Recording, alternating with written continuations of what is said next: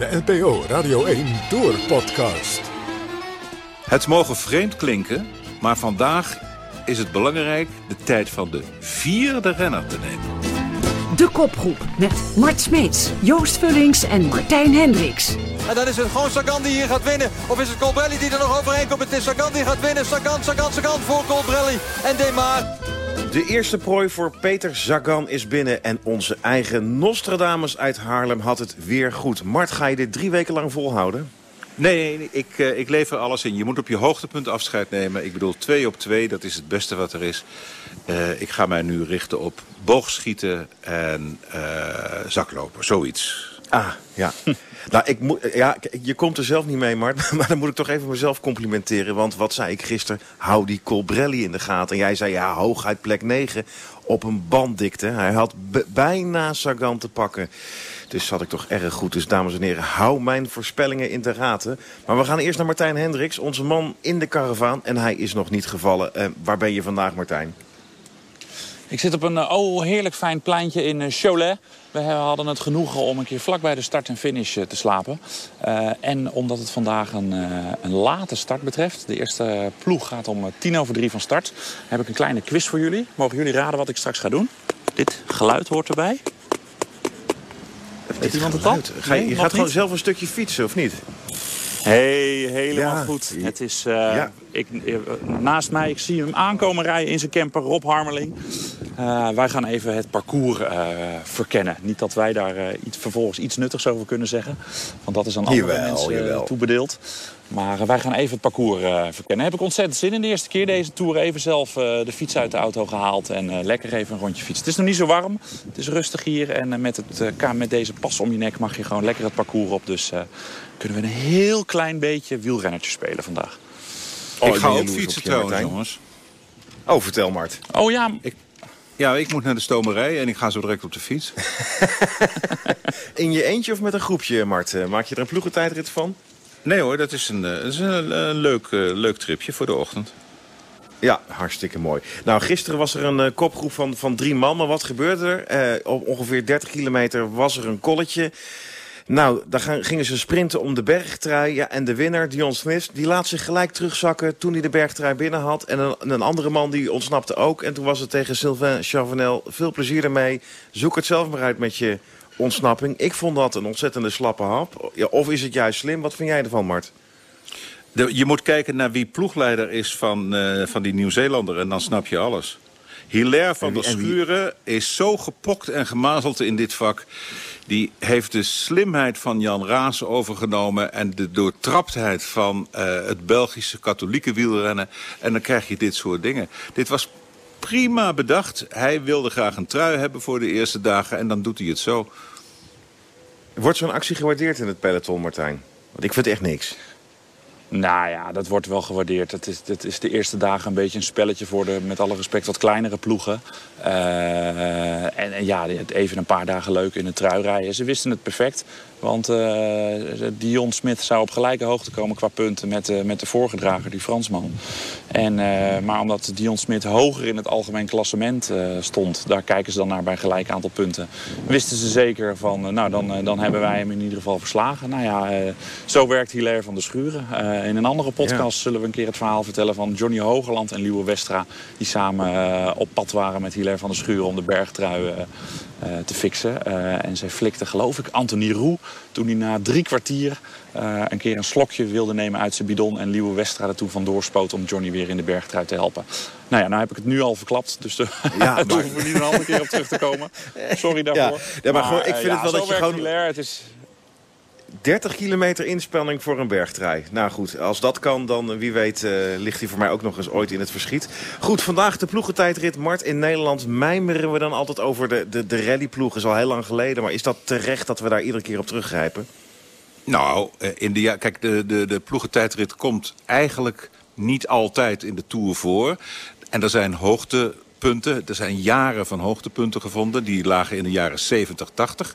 En toen hadden wij de ploeg van Peter Post. Toen wonnen wij ook, maar dat waren ook andere tijdritten dan nu. Kijk, die van vanmiddag is geloof ik iets van 35 kilometer. Dat is voor mietjes, vonden de renners van Oh. toen. De, tijd, ja, de tijdritten toen waren 150 kilometer voor de ploeg. Ja, 150 kilometer.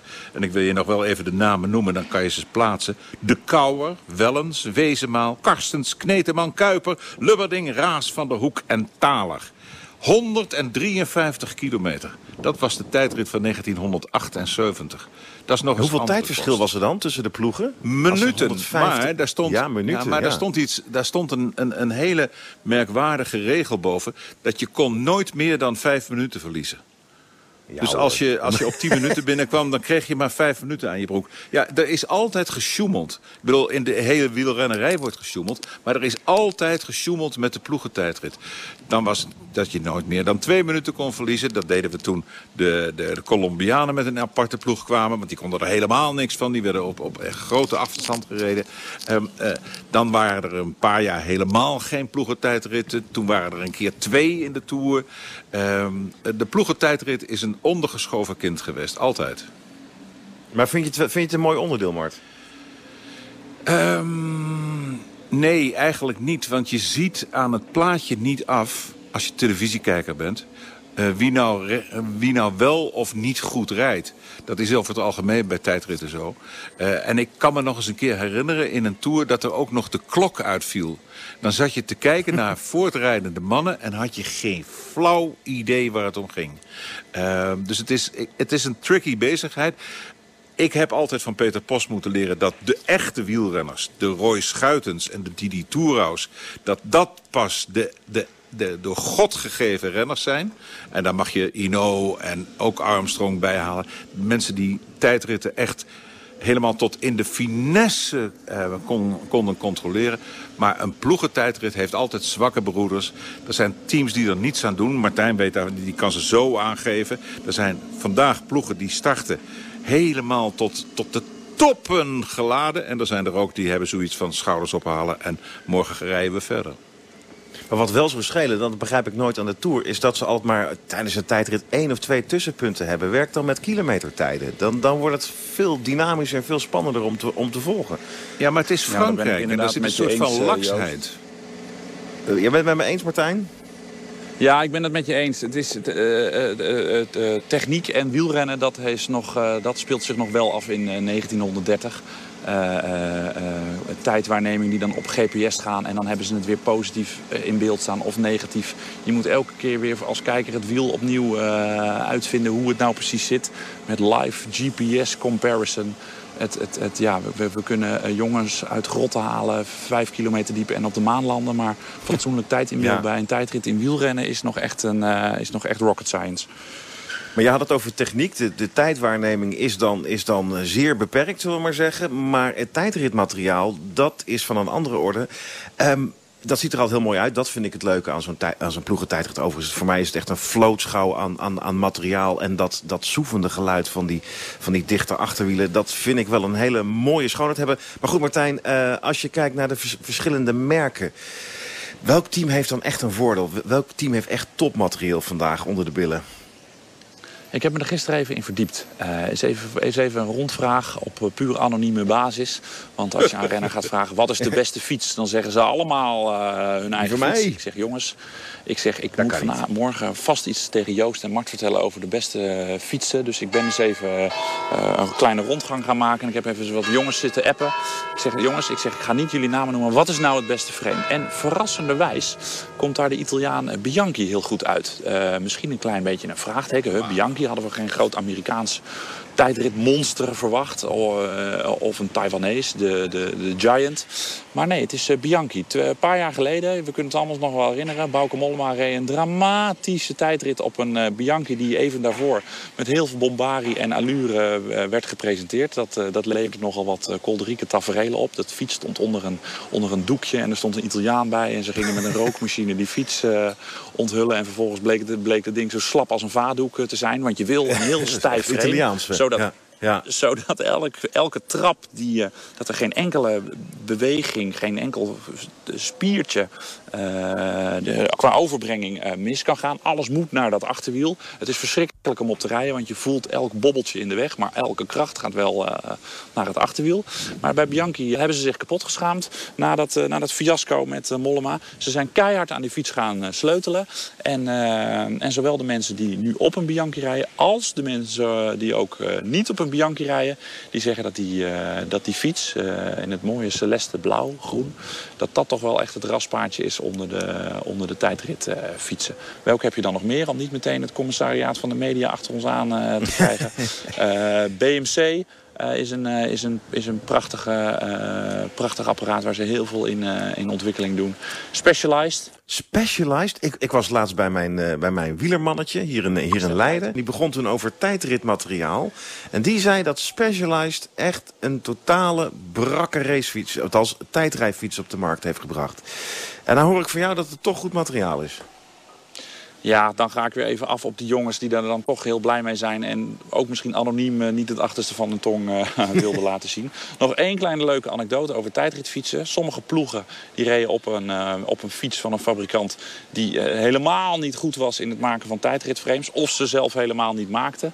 Wat deden ze dan? Ze kochten gewoon goede frames... en plakten daar de sticker van de slechte fabrikant overheen. Dus fabrikant blij en de renners ook blij... want die reden gelukkig op een goed frame wat kost eigenlijk een, een, zeg maar een goede tijdritfiets? Nou, daar kan je een hele goede auto van kopen. Het frame is niet zo super duur, want dat, dat is gewoon knoepenhard frame maken. En dan hoef je niet te spelen met, uh, met, uh, met, met ergens waar er nog wat comfort in zit. Maar met name de techniek die eronder zit, die, die, ja, dat is gigantisch. Elektrisch schakelen, hydraulisch remmen. 10.000 euro als je echt een uh, state-of-the-art tijdritfiets wil hebben. Dan, dan kan je er zo voor neerleggen. Maar dan rij je wel als een koning over de heuvelrug hoor. Dat, dan verdien je wel wat applaus. De natte vinger. Goed, heren, dan gaan we naar, naar de natte vinger toe. Nou, Mart, je hebt gisteren weer gewonnen met Peter Sagan. Dus ja, kom maar door. Wie gaat het vandaag doen? Ik heb alleen gekeken naar de tijdrit van de, van de Dauphiné van dit jaar. En die werd gewonnen door uh, Sky. Heel overtuigend, moet ik zeggen. Uh, dus is het makkelijk om nu Sky te zeggen. Maar ik zeg maar Sky. En jij, Martijn? Ik ga voor uh, Quickstep. Die, ze noemen zichzelf de Wolfpack. Daar heb ik een beetje dubbel gevoel bij. Maar die gasten zijn zo hard voor elkaar en uh, voor de anderen. Uh, en meervoudig wereldkampioen tijdrijden, ploegentijdrit. Ik ga voor Quickstep. Ja, en, en jij Joost? Voor een, voor een, ja, ik kreeg net een, een, een, vaste fan van ons, Cecile Berghout uit uh, Rotterdam. Die zei al tegen mij, ja, je moet gewoon Sky zeggen, dat die gaan het iedereen verpletteren. Dat denk ik ook, maar omdat ik toch een ander team wil noemen, zeg ik Sunweb. Want ik heb naar de individuele tijdrit van Zwitserland gekeken. En toen reden die jongens van Sunweb allemaal supergoed. En ondanks dat Kelderman niet meedoet, denk ik dat ze gaan winnen. En let op Lotto Jumbo, Roglic als motor. De rest aardige tijdrijdertjes. Maar ik heb net van Martijn gehoord dat ze op de juiste fiets uh, rijden. Dus die zet ik op plek 3, zet ik die neer. En, dan en weet je wat we dan gekomen... vergeten? Hey, maar wacht even Joost. Weet je wat we dan vergeten? Ja? BMC. Nee. BMC ja, die... heeft de beste ploegentijdritrijder ter wereld in zijn ploeg. Weet je dat? Dat, is, dat? dat? is een verhaal. Ja, ja. Dat is een jongen Vertel. van 24 jaar. Martijn, jij weet waar ik het over heb, hè? Ik ben heel Martijn hard aan het denken, maar ik, ik, ik, Weet je het echt niet? Er rijdt één hele grote, lange Zwitser in die ploeg. In de BMC-ploeg. Oh, die en Koen. Die. Ja, die. En daar, daar zeggen ze van... Die is ideaal voor tijdritrijden. Peter Post heeft die man eigenlijk bedacht. Ah, maar die, die is heel groot en die kan heel hard fietsen. Dan kan de rest achter hem zitten. Dat is het idee, neem ik aan. Juist. Juist. Dat Aha.